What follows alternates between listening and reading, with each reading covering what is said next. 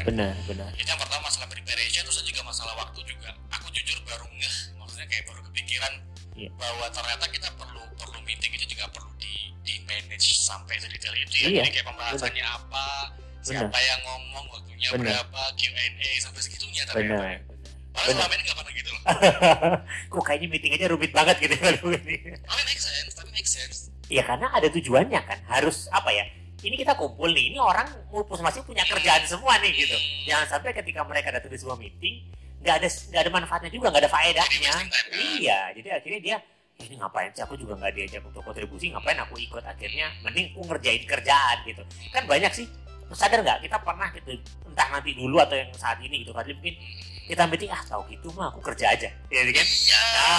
Itu banget. Sering bang gitu ini ngapain sih di sini? Iya kan? Jangan Nah, goblok gitu Nah, makanya kalau di buku ini dijelaskan bahwa di awal itu harus setting eh, ekspektasi meeting itu atau agenda meeting itu di share ke semua orang. Dan itu harus semua orang di sana itu terwadahi. ini berarti masih masuk dalam fase preparation kan? Masih Karena kan- preparation. karena, karena kalau kayak gitu kan kita bisa informasi by email ya Bisa, Iya bisa, nggak sih? bisa. Kita invite terus habis kita habis kita susun tadi tuh waktu timing bla bla bla siapa yang di invite dan kita kan invite dong di Benar. invitation kan kita bisa masuk kayak gitu tadi ya Benar, Eh, benar. agenda meeting waktunya goalsnya apa jadi orang-orang yang orang-orang yang nanti terlibat dalam meeting itu mereka bisa preparation juga Benar, kan benar. Tapi meskipun sudah email misalkan nanti kita mau bahas ini, tetap di awal ketika mulai meeting itu ya apa ya istilahnya di sini itu adalah orang yang mengkoordinir meeting itu ya harus menjelasin ini meeting itu outputnya apa Hmm. siapa tahu mungkin ada yang nggak baca email, ada yang mungkin dia kelewat emailnya, jadi biar tahu, oh saya duduk ini tuh tujuannya untuk ke sini. Eh bener tuh masalah kelewat email nih mungkin buat teman-teman yang masih baru masuk di dunia kantor nih ya di dunia pekerjaan. Kalau mau ngundang email, eh, mau email emailan sama bos, teman-teman perlu paham yuk bos tuh banyak email masuk. Iya, Jangan kan bos kita yang rakyat jelata aja. Oh, kan email yang emailnya, disisi dari berbagai bagian gitu kan. iya benar. Invite orang-orang yang kalau menurutku mungkin barangkali kalau ini orang-orang yang dalam tanda kutip eh, sibuk atasan yang kita tahu dia banyak email masuk barangkali email nggak cukup kali ya Eh, makanya kalau eh, yang dibahas juga di buku itu diceritakan gini rekan-rekan. Kalau meeting itu untuk pertama kali gitu ya. Ini baru pertama kali kita mau meeting, disarankan tidak lewat email, datengin langsung Oh. untuk menjelaskan urgensi meetingnya. Karena kadang kalau email itu kan ya email kertas dan itu kadang nggak bisa menggambarkan detail apa yang mau dibahas. Sedangkan kalau meeting baru pertama kali yang orang itu diharapkan hadir semua, orang itu kan butuh urgensi. Kenapa sih saya perlu hadir? Maka disarankan nggak ada salahnya kita datang satu persatu.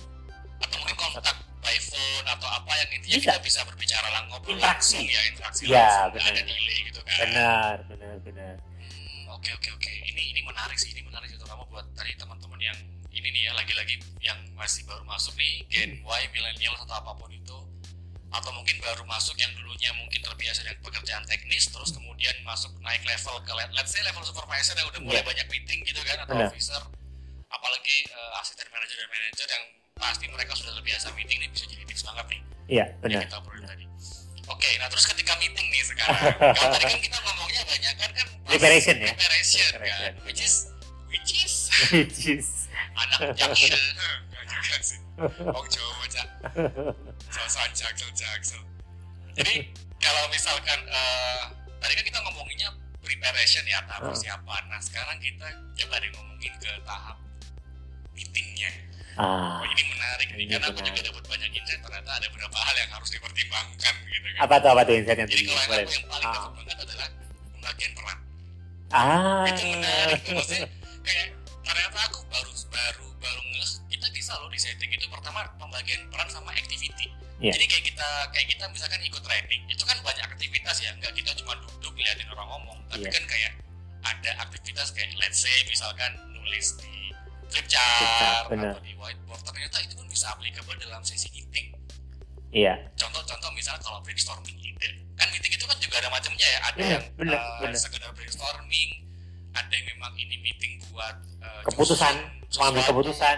create Hmm. sesuatu atau sampai goalsnya sampai desain something gitu kan nah kalau Benar. mungkin buat meeting-meeting yang sifatnya brainstorming itu bisa banget tuh pakai let's say flip chart nih kita Hmm. bareng-bareng eh, bikin kelompok misalkan terus kita ide ada satu permasalahan idenya gimana Bisa, bisa banget. tapi tapi aku aku ini itu di buku ya. Oh. Tapi kalau based on pengalaman kita nih.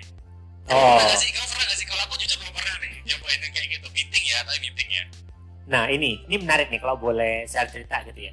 Pernah sekali, tapi itu karena mungkin kita nggak familiar, jadi aneh gitu ya. Kok jadi kayak pelatihan nih meeting?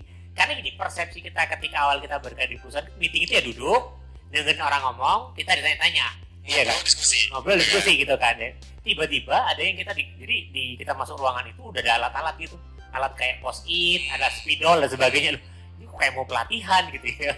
Padahal ini mau meeting, ternyata memang pada saat itu memang eh, meeting itu untuk pengambilan keputusan. Jadi kita ngambil keputusan, cuman gini, ketika keputusan mau diambil kan kita perlu generate dulu tuh banyak ide-ide dulu tuh dan memastikan setiap orang di meeting itu, itu juga ditekankan di buku ini gitu ya rekan-rekan ya. Setiap orang di meeting itu harus aktif dan engage terhadap eh, meetingnya karena ya kan untuk melihat dari angle-angle yang berbeda. Jadi ketika itu kami kemudian disuruh untuk nulis gitu ide-idenya di eh, kertas post-it, tempel-tempel-tempel. Jadi kayak terkesan pelatihan, padahal sebenarnya ini meeting. Ternyata dari situ setelah kita semua terlibat, kita menyampaikan pandangan kita, semua dicatat. Nah, di situlah baru mulai meetingnya. Jadi ternyata itu kalau dulu pengalaman saya itu di- digunakan untuk menggali sudut pandang Yes. peserta meeting. Mudah nggak dia dengan apa yang mau dibahas? Kalau nggak mudah kenapa? Hambatannya apa? Jadi ketika itu kita tulis baru kemudian dibahas ini seperti apa. Gitu. ternyata bisa ya Bisa, itu, bisa. Itu, itu ternyata bisa jadi salah satu metode kalau misalnya kita mau meeting dan mau tadi kan mungkin kalau aku tangkap dari ceritanya Mas Ivan ini salah satunya ya cari-cari ide ya. Iya benar buat bikin keputusan cari ide pakai metode brainstorming yang mungkin asumsi kita asosiasi kita biasa dilakukan ketika Pelatihan, ya, ketika pelatihan. pelatihan. Atau cari-cari ide kan. Yes tapi ternyata pas meeting pun bisa loh guys. Bisa. Untuk memastikan keterlibatan dari peserta meeting sebenarnya. Hmm, oke oke. Itu in case ya mungkin teman-teman belum pernah coba pakai cara ini. Cobain deh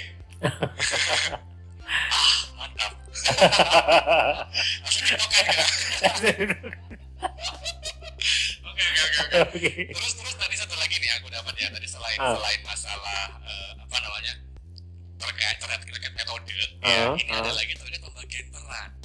Uh. Nah ini terkait pembagian pembagian peran uh, meskipun ini mungkin bukan di buku ini ya aku sempat kebayangnya kayak di buku Six Thinking Head. Oh. Pernah baca nggak?